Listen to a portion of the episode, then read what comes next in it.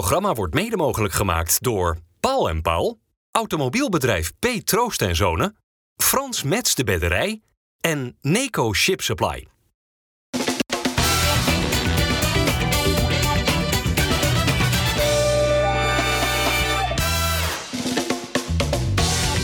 Goedendag dames en heren, hartelijk welkom. Interlandperiode of niet, er is gewoon FC Rijnmond. Dus we kunnen ook een beetje uitzoomen uit het voetbal. Andere zaken bespreken. Dat gaan we doen met de schrijver Michel van Egmond. Welkom. Met eh, Dennis Kalenburg en met eh, Harry van der Laan. Want Michel, als jij zo doorgaat, je hebt weer eens een boekje geschreven. Uh, heb je dadelijk meer boeken geschreven dan dat Harry van der Laan doelpunten heeft gemaakt? Nou, dan moet ik nog behoorlijk doorschrijven hoor. Want uh, ik ken Harry uit, uit, mijn jeugd bij FC Den Haag. Dat was een doelpuntenmachine. Dus, uh, Topscorer alle tijden van ADO? Nou, dat bedoel ik. Hoeveel heb je er nou gemaakt in je leven? Ik, dat weet ik niet precies natuurlijk. Dat is het beste antwoord wat ja. ik kan geven. Ik ben gewoon de tel kwijt. Zoveel zijn het er. Om en nabij? Rond de 300 zal het wel zijn. 300? Ja, nee, dan ben ik nog wel even bezig. Michel, wat maakt Harry van der Laan de beste analist van Nederland? Nou, hij is lekker eigenwijs. Uh, hij kan het goed vertellen. Hij heeft er geen hekel aan om te praten, heb ik altijd dit idee.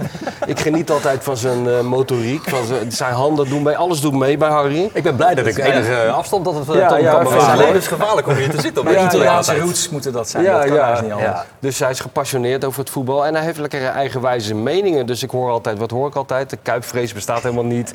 Rechtsback, hoef je in principe niet op te stellen. Nee, nee, nee. nee. Keepers, keepers moet niet serieus Ik zal dat straks nuanceren. Michel Ritme, geloof ja, nee, maar even serieus. Kijk, um, het, hij is niet saai.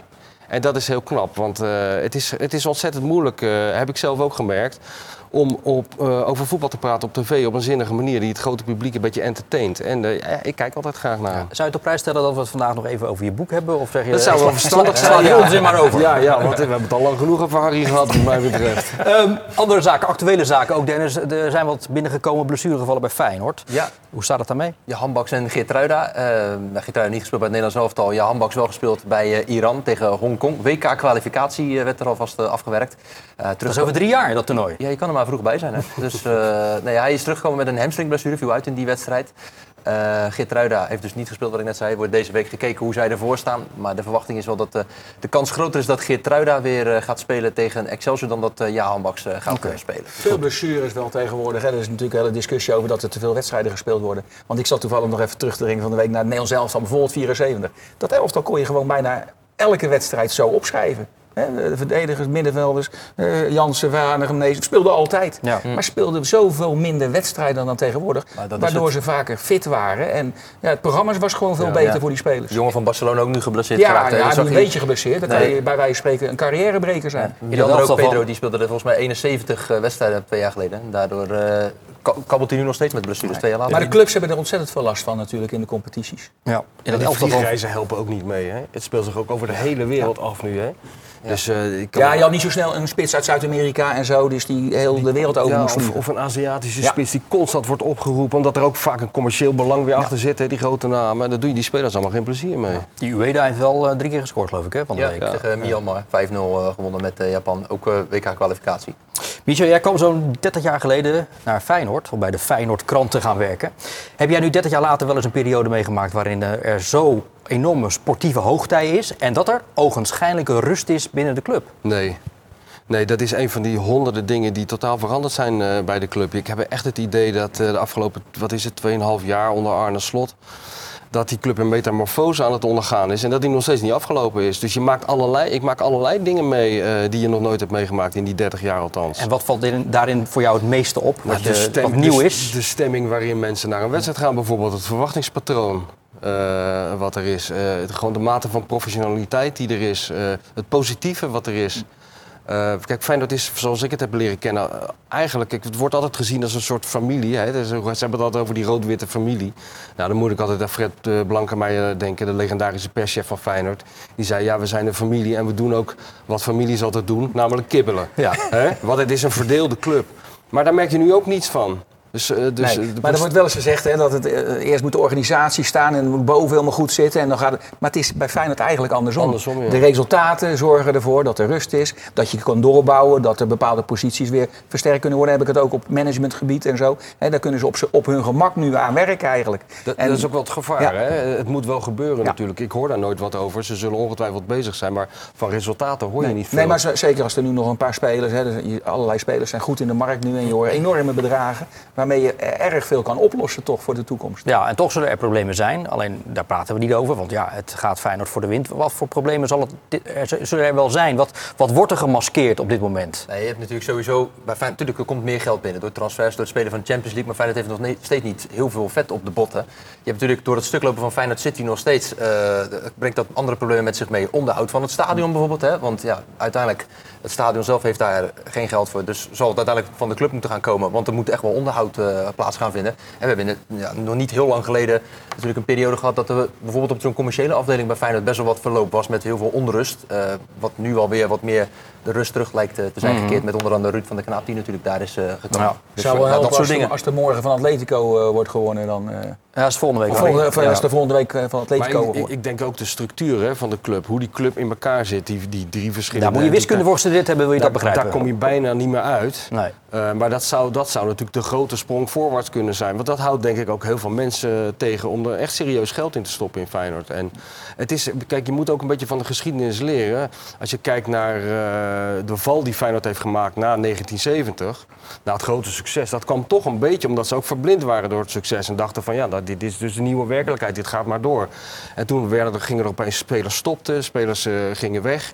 En toen is het eigenlijk nooit meer echt goed gekomen. Dus er zit ook een waarschuwing eh, in. Ja, maar goed, ze hebben nu de meest sterke verbale coach aller tijden.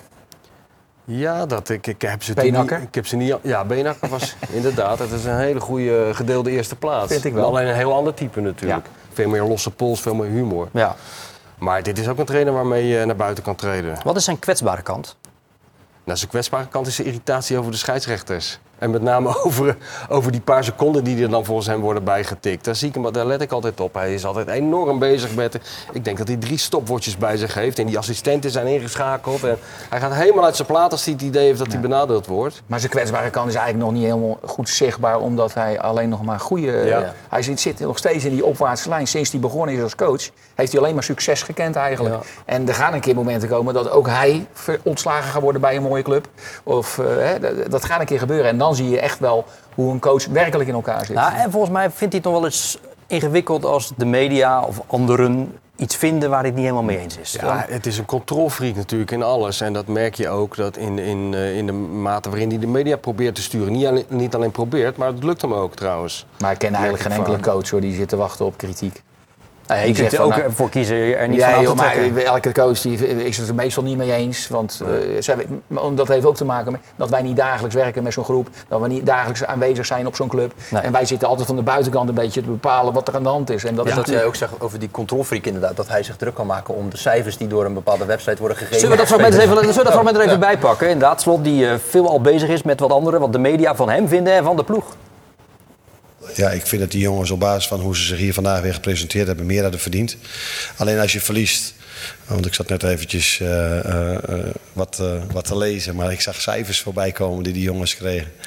Ja, dat is echt totaal tegenovergestelde van mijn gevoel bij wat ik vind wat ze verdienen op basis van hoe ze vandaag gespeeld hebben. Ik zat even op voetbalpremier te kijken en ik zag allemaal vijf en vijf en een halve voor eh, spelers van ons. Dus daar refereerde ik aan dat ik, dat ik een hele andere perceptie had. En ik zou ze hele andere cijfers geven als ik onze spelers mag beoordelen. Maar de reden waarom Marino Pusic naar Shakhtar gaat is vast ook wel een klein beetje dat we met 7-1 van Shakhtar wonnen.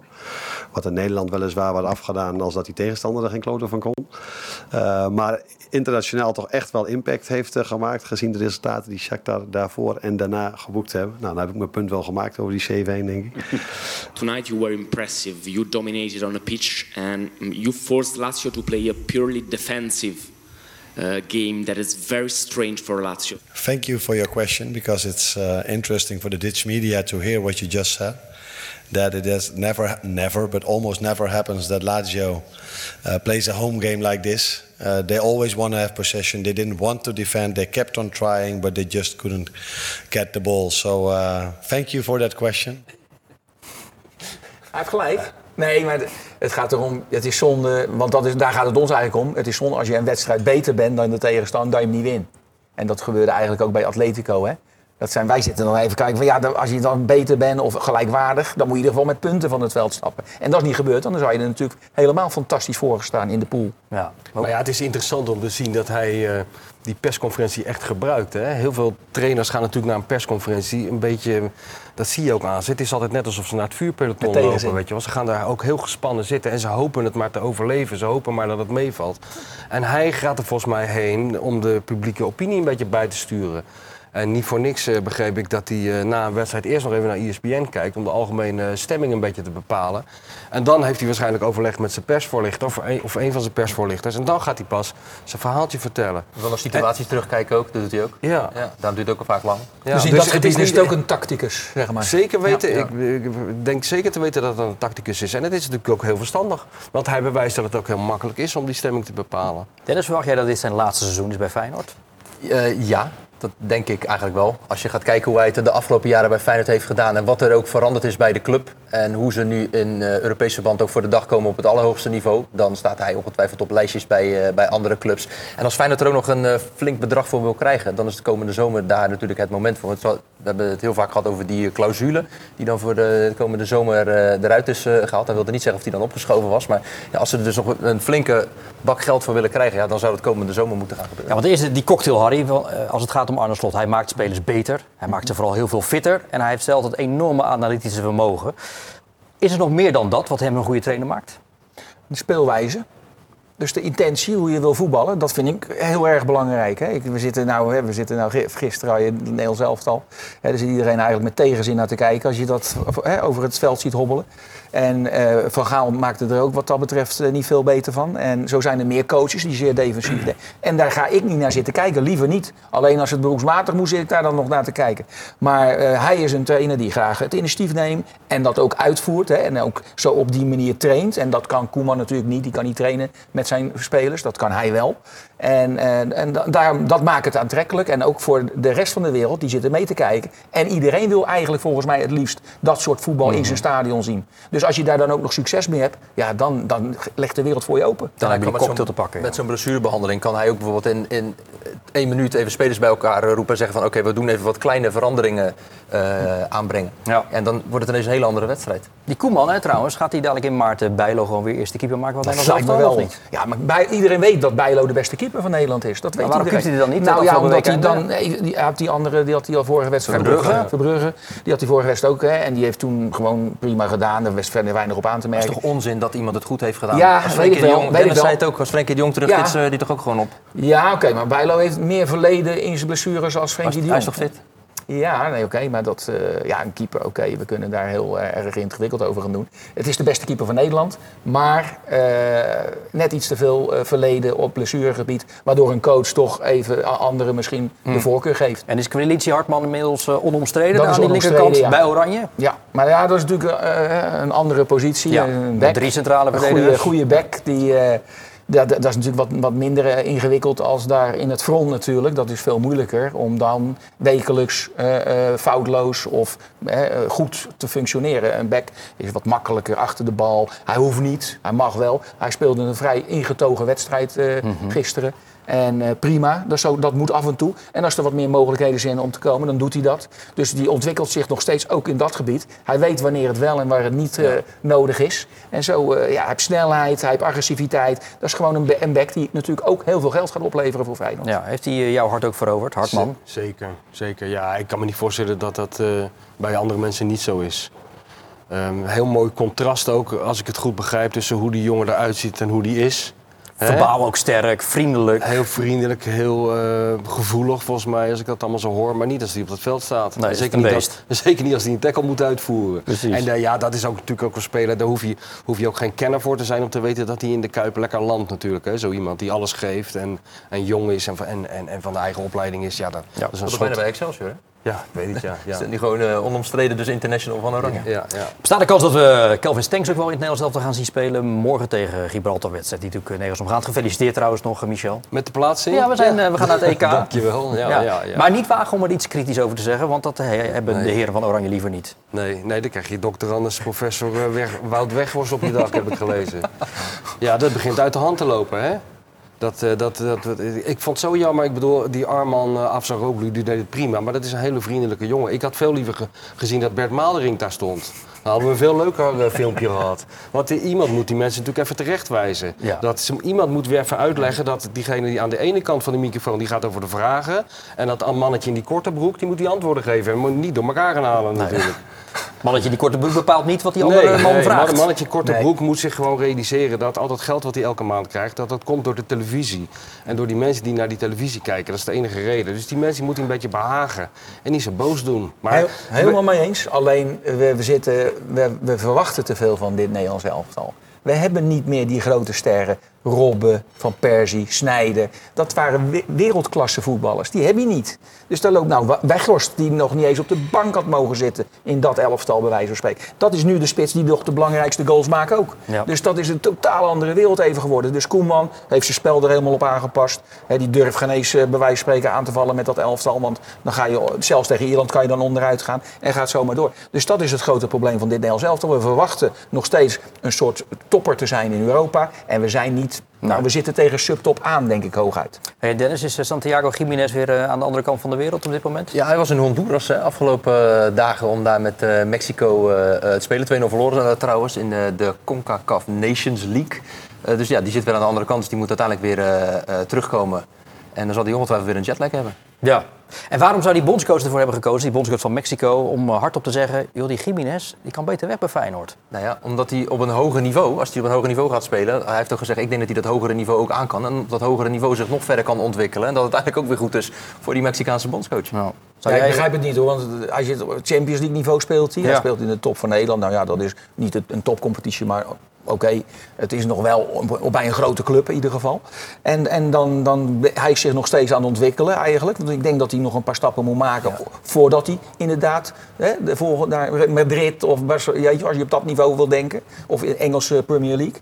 Dus daar, daar, hij is nog, want je ziet het nou ook, hij zit even in een iets mindere eh, eh, tijd. Hè? Ja. Hij heeft wat moeite om, om de goal te vinden en zo. Hè? Dat is, dus dat, dat, dat moet hij ook af en toe eens even meemaken voordat jij naar Juventus gaat. Is er eh, Michel een verband over op de wat mindere periode van Jiménez. En het moment dat hij met zijn vrouw overwoog en ook besloot in een dinosauruspak door een eh, park in Rotterdam te gaan lopen? Nee, nee joh, nee. Ja, ik heb wel eens voor de grap gezegd, misschien heeft hij te weinig zuurstof gehad in dat pak. Eventjes heeft hij daar last van gehad.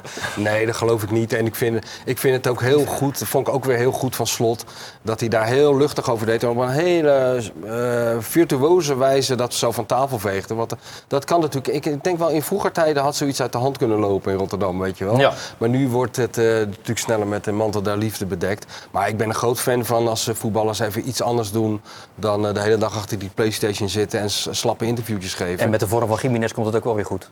Ja, dat heeft niks met dat Dino-pak te Oké, maken. duidelijk. Hey, ehm, voetbal kijken met Van Basten is een boek dat volgens mij nu beschikbaar is en in de ik heb winkels ligt. eh, volgens Ja, mij sterk de indruk dat het in de winkels ligt. Ik heb ja. je namelijk zo hier en daar, daar iets Ja. over horen vertellen. Eh, het is een serie verhalen, sportverhalen, die je overwegend zelf hebt meegemaakt. En ook nog wel verhalen die niet zo lekker afliepen, die misschien wel worden bestempeld als mislukkingen. Waarom is het leuk om daarover te schrijven? Ja, ehm, dat als je over je eigen mislukking schrijft, dan sluipt er vanzelf een soort zelfspot in. Hè? Dus eh, dat is altijd wel prettig. Ik probeer wel altijd ik, sportverhalen te schrijven waar ook iets te lachen valt. Want ik vind topsport ook eigenlijk vaak iets om te lachen. En eh, ik schrijf die boeken ook om, om te entertainen. Ehm, dus dan, ja, dan, dan, dan merkte ik, dan is het fijn om over je eigen mislukking soms te schrijven. Of, of over evenementen te schrijven die niet helemaal verlopen zoals je het eh, vo- vooraf eh, ingezien had. Nee. ehm, gisteren had je een eh, signeersessie in het centrum van Rotterdam. Een zondagmiddag in Donner.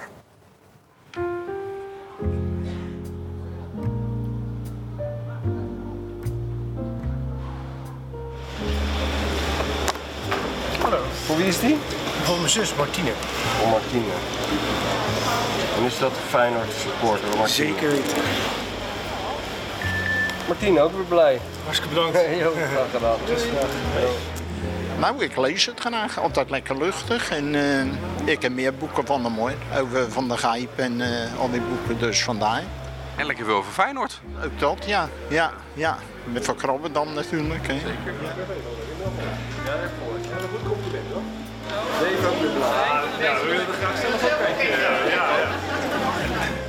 Eh, aansprekende onderwerpen. natuurlijk een eh, groot Feyenoord-fan. Ik luister ook de podcast. Hans, is het nou meteen twee voor de prijs van één? Nou, dat zal wel niet, denk ik. nee, maar ik weet zeker, eh, eh, de ene van de twee is voor mijn zwager. En eh, die maken we daar heel erg blij mee. Dat weet ik 100% zeker. En wij zijn zelf ook helemaal, eh, helemaal blij. Oké, hè? succes met lezen, hè, die. Zal voorlezen. Ja, graag. Ja, Bart, dat is nou het glamourleven van een schrijver. Dan zit je op zondagmiddag achter zo'n tafel, je waar uit te venten, als een soort Marco-man. Ja, je moet wat doen tegen de ontlezing. Heeft dat iets ongemakkelijks? Ja, dat heeft iets heel ongemakkelijks. Ja, ja, dat heeft iets heel ongemakkelijks. Dat doet natuurlijk niemand. Ik bedoel, jij gaat toch ook niet midden in de winkel opeens zitten presenteren? Weet je wel, het is Nee. ja. Maar goed, lijkt me de eerste, de eerste kwartier lijkt me even. nou, het ergste is natuurlijk als er gewoon niemand komt. Ja, nou dat jij ja. achter die hele stapel zit. Heb je dat meegemaakt? Nou, in het begin natuurlijk, eh, kijk, dat weet bijna niemand. Maar voordat ik Grijp schreef, eh, had ik ook al een klein oeuvre op mijn naam staan. Dit is Ja. grotendeels aan de wereld voorbij gegaan. Dus dan, eh, eh, ja, dan zit je wel eens voor joker natuurlijk. Wat behelst het Feyenoord-verhaal in eh, je nieuwste boek? Nou, het is hem allemaal een beetje op gevoel geschreven. Maar ik, ik was mijn berging aan het opruimen. En toen kwam ik een, een doos tegen waar allemaal spullen in zaten... die mij herinnerden aan mijn tijd bij Feyenoord... toen ik daar een beetje als embedded verslaggever rondliep. En vond daar van alles in. Het bracht me een beetje terug in de tijd. En toen dacht ik van ja, dat Feyenoord wat ik heb achtergelaten... dat bestaat eigenlijk helemaal niet meer. Dat is zo'n andere club geworden in zo'n korte tijd. Onderin die stapel vond ik twee plakboeken die ik eigenlijk helemaal niet kende. En eh, dat bleken de plakboeken van Henk Schouten te zijn. De oude... geweldige aanvallen van Feyenoord natuurlijk uit de jaren 50 en 60. En eh, die ben ik later gaan terugbrengen bij zijn kleinzoon. En dat heb ik een beetje gecombineerd met eh, in diezelfde week dat ik naar buiten ging. En, eh, en meemaakte eigenlijk dat Feyenoord titelkandidaat nummer 1 was.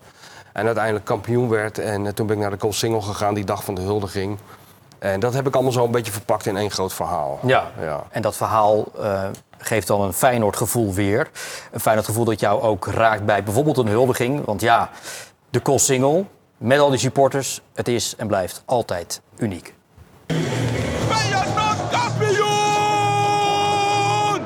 Ja, Bob. Je bent blij, hè? Je had moeten werken. Ik had moeten werken, maar ik heb lekker vrij me genomen vandaag. Omdat mijn clubje kampioen is. Weet je, Feyenoord is rood en wit. Voor mij zit het in mijn hart. En voor Feyenoord moet gewoon alles wijken voor zo'n dag als dit. Dus mijn baas kan lekker de scheid krijgen. Doe lekker mijn eigen ding. Hij moet gewoon weten wat hij moet doen. Ik ben hier. Zes jaar geleden zitten we hier in, in 2017 met een kampioenschap en we ontmoeten elkaar. En toen? Nou, toen hebben we gezegd, als we weer kampioen worden, dan gaan we trouwen. Ze zeggen, maar dan word je op je knieën in het fontein. Dus ik ben vorige week eh, in het fontein geweest. Dus ja, we gaan vandaag trouwen.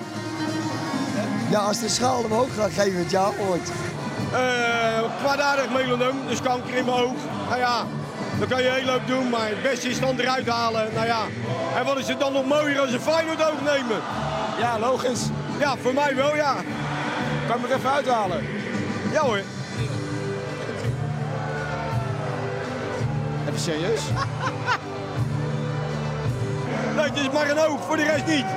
Ah, je mag niks het veld opgooien, maar als je nog een keertje wat eh kwaad wil... Nou, wat denk je? Wat denk je wat het kost? Kom weer 500 euro, ben je gek? Ik ga niet meer gooien. Het is maar een oog, meer niet. Nou, dit is nou, dit is nou alles, maar dat is serieus, alles wat voetbal voor mij aantrekkelijk maakt om over, al 30 jaar over te schrijven. Dus dit is grappig, dit is een beetje wrang, hier voel je je ook een beetje ongemakkelijk bij, maar het heeft ook iets heel ontroerends. En het levert geweldige quotes op als iemand zegt, wat is er nou mooier dan een Feyenoord oog? Ja, Ja. dat heb je nog nooit gehoord van je leven. Of mijn baas kan de scheid Mijn krijgen. baas kan de scheid, nou, dat hoor je wel vaker. mijn baas kan de scheid Maar die doet krijgen. zich op televisie. Nee, nee. Maar wat is er nou mooier dan een Feyenoord oog? Ja, Daar, daar, kan je, daar kun je toch uren van genieten eigenlijk. Fantastisch, fantastisch. Ehm, goed, nou, het boek is... eh, hoeveel verhalen staan er? Een stuk of 7, 8 geloof ik, hè? Zoiets, ja. Ja, en... eh, De, de langste is over Feyenoord in elk geval. Dat wil ik de Rijnmond-bewoners nog even meegeven. Dat vind ik wel mooi als jij zo'n boek schrijft, heb je wel het idee dat je ons aan de arm meeneemt. En alsof ik naast zit en je het verhaal echt vertelt. Nou ja, de dat- beschimmelde tuinstoel in de berging. Dat is de bedoeling, ja. Nou ja, goed, ik, ik heb eigenlijk maar één bedoeling. Dat als jij aan bladzijde 1 begint, dat je op het eind de neiging hebt om mijn mond te slaan en verder te lezen. Eh, dat is eigenlijk eh, de, de kunst en eh, dat is al ingewikkeld zat. Maar dat is de bedoeling, ja. ja. Nog een mooi verhaal. Maar dat staat niet in het boek van Michel. Maar hij heeft het misschien twee weken geleden wel meegekregen. Het gaat over de Sparta-speaker van dienst. Twee weken geleden bij Sparta tegen Almere. Mats, 12 jaar. Geboren zonder ogen. En een enorme Sparta-supporter. Heeft alle namen van Sparta uit zijn hoofd geleerd. En ook de namen van Almere City. En hij kreeg de kans om één dag stadionspeaker te zijn. Een dag van zijn leven. Met nummer 9, onze captain Barbie. Lieve Stichting FC Robinstein. Jullie laten de allermooiste voetbalwensen uitkomen. En ook bij Sparta Rotterdam. Onze zoon Mats is de grootste voetbalfan en hij gaat dan vanaf zijn vierde naar de thuiswedstrijd van Sparta met zijn trommeltje. Mats is blind. Hij is geboren zonder ogen en hij droomt ervan om ooit een keer stadionspeaker te zijn van Sparta. Hij speelt elke wedstrijd na met zijn knuffels en microfoon. En hij roept dan het liefst zijn favoriete speler Thijs Veldhuis uit als man of the match. Ik gun Mats deze wens omdat het zo'n lieve jongen is. Mats zal zichzelf nooit op de eerste plaats zetten. Denkt altijd alleen aan anderen.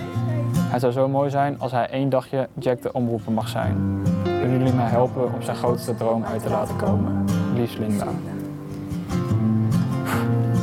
Dat is wel eh, een hele mooie heftige brief.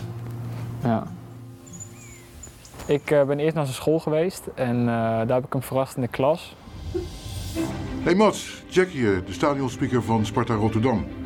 Ik heb begrepen dat je een enorme wens hebt, namelijk dat je een keer stadionspeaker zou willen zijn bij een wedstrijd van Sparta. Ik heb de eer om je te mogen ontvangen en te begeleiden bij de wedstrijd Sparta tegen Almere. Maar ik heb nog een hele leuke verrassing voor je. Je mag nu al naar het kasteel en je wordt opgehaald door niemand anders dan jouw favoriete speler. Huh? Ga ik nu naar het kasteel? Huh? Ik weet... Huh?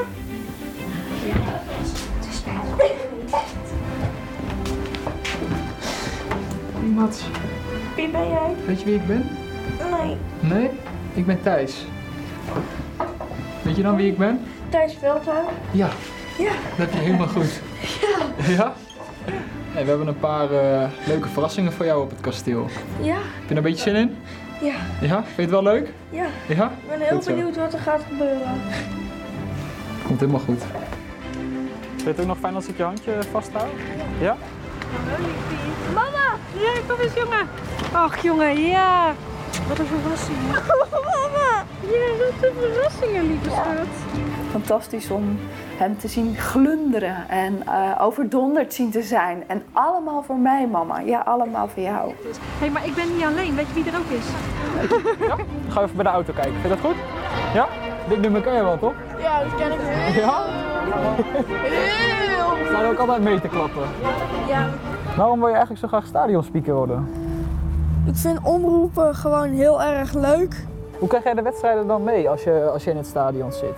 Nou, tegenwoordig luister ik naar Radio Rijnmond. Aha. En soms vertellen papa en mama wat er gebeurt. Maar nu luister ik naar Radio Rijnmond. Hallo joh, ik ben Jack. Ja, hoi, ik ben Mats. Joh, verrassend. Ja. Volgens mij ben je ook een grappenmaker. Nou Mats, het wordt eh, jouw middag. Moet je het nog een keer doen? Ja, dat is wel een goed idee. Nou, die gaan we nog even oefenen. Gaat helemaal lukken. Zo. Ik zie dat onze microfoon er al ligt. Spannend hoor. Ik vind het wel heel stoer van jou. Ja, Moet je nog één keer herhalen of eh, denk je dat het gaat lukken? ik denk dat het gaat lukken. Test, one, two, one, two, test. One, two, test. Ja. Even wachten tot Sparta van het veld komt. Zie je, erbij, jongen. Dankjewel. Veel plezier, Mats. Dankjewel. Ja, Thijs. Ja, goed zo. Heel veel plezier, ja? Dankjewel. Ik heb hier een heel bijzondere gast bij mij staan. Bezorg mij een lekkere makkelijke middag.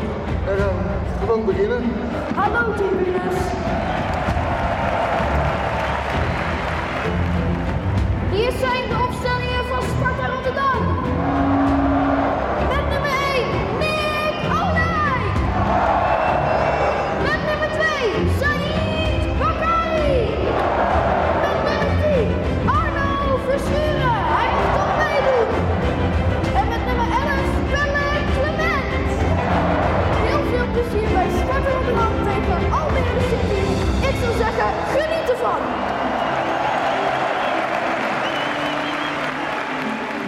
Applaus, vriend. Ja, super tof dit. Je gunt je kind altijd alles. Maar dit was echt wel een kers op de taart. Het was echt eh, dat ik denk van ja, die jongen die, heeft, die gaat hier echt nog jaren over hebben. Ja. Sparta tegen Almere City. De eerste klanken van de Sparta Mars. Sparta zesde met 15 uit 10. Kitolano. Oh, dit is de vrijheid voor Kitolano.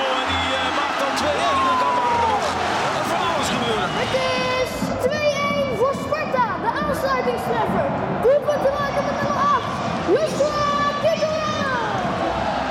Dit gaat hem echt bijblijven. Ja, heel mooi. Ja, dankjewel. Dat is een gaaf cadeau.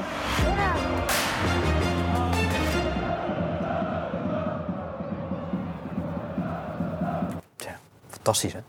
Nee, geweldig. Ja, daar zie, je, daar zie je de kracht van voetbal. Dat kan je natuurlijk gebruiken om... eh, je kan dat voetbal misbruiken om een WK in Saudi-Arabië te houden. Maar je kan het ook gebruiken om dit soort dingen te doen.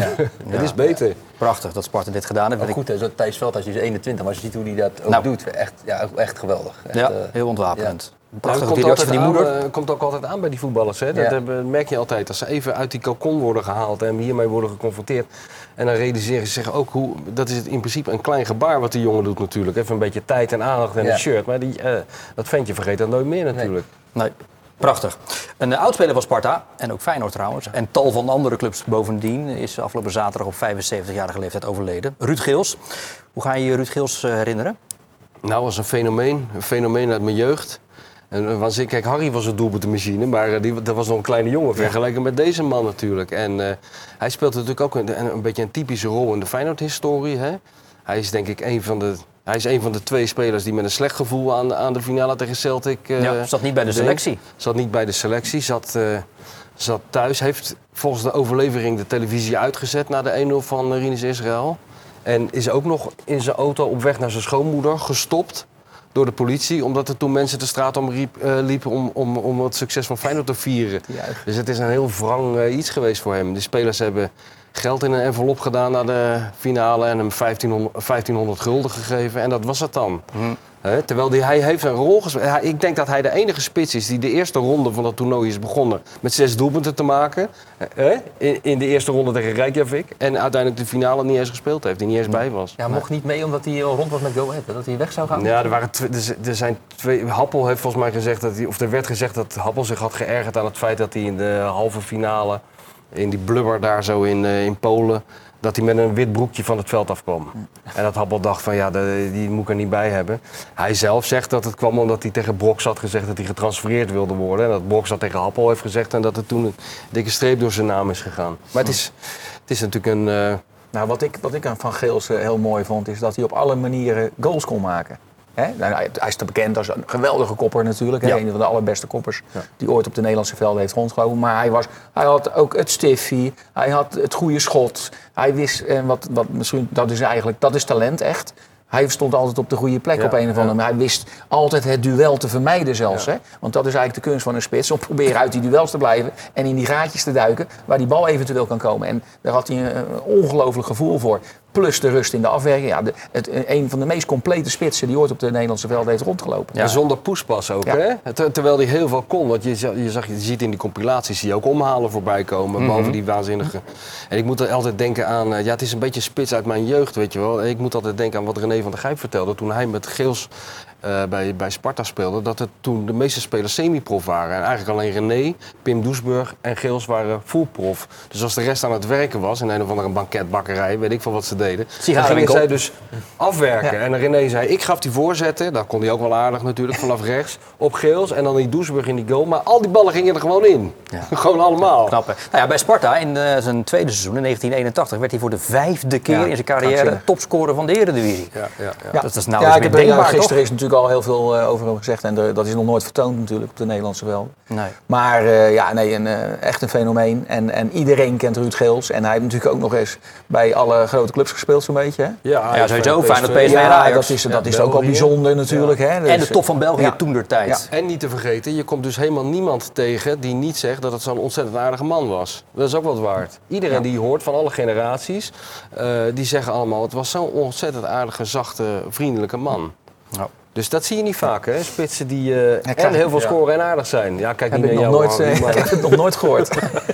Alleen in het WK van 74 had hij ook eh, geen leuke ervaring. Is hij geloof ik een beetje verperst en eh, Frits, geïrriteerd? Frits Barend en Henk van Dorp hebben een geweldige special destijds gemaakt voor Vrij Nederland. Dat is geloof ik helemaal opgehangen aan Ruud Geels. Dat is één groot interview en het is ook een deel een klaagzang dat hij slachtoffer is van die zogenaamde voetbalhumor. Wat natuurlijk helemaal geen humor is. Het was gewoon voetbalpesten. Ze hebben hem gewoon weggepest. Ja. Dat is wel tragisch natuurlijk. Van Hanegem ontkende het overigens in zijn column. Hmm. Dat dat gebeurde, maar oké. Ja, de een kan het zo ervaren en de ander kan het Ja, herkennen. nou ja, het is inderdaad wel. Ja, Michel zegt het terecht. Het, het, het is geen humor. Het is inderdaad een beetje pesten, een beetje treiteren. Maar dat is dan de voetbalhumor. Ja, en dat is altijd zo geweest, zal altijd wel zo blijven. Ja, dat is raar. Er zit helemaal geen progressie in. Ik bedoel, kijk, Wim Suurby heeft een keer zijn geslachtsdeel in de kippensoep gehangen... voordat het naar de bestuurders van de KVB ging. En sindsdien is het, Is dat een beetje het niveau... Nee, maar dat is een beetje het niveau gebleven. Het is altijd slagroom in de... Ja. In, in- Kousen in de- kapot knippen. Ja, ja, dat dat, soort dingen. Autosleutels verstoppen. Het zou wel leuk zijn als dat, ook dat een beetje... Misschien kan Arne Slot daar nog wat aan doen. Dat ook een voetbalhumor een beetje ja, vernieuwer. Het is een vernieuwer, dus Ja. wie weet. We moeten het hierbij laten. I- Is de mediatour bij deze afgesloten? Ik bedoel, je begint, eindigt eh, natuurlijk bij het beste. Het begint een beetje op zijn eind te lopen, Bart. En eh, dat vind ik helemaal niet erg. Ik kan me dat leven te voorstellen. Dank dat je hier wilde komen. En eh, succes met het boek. Dennis, tot gauw. Harry, ook weer vast weer. Gaan we Uiteraard. aan naar deze tafel. Woensdag is er natuurlijk weer de Sparta-podcast hier bij Rijnmond. En eh, vrijdag zijn we er weer met FC Rijnmond. Graag tot dan. En een goede week.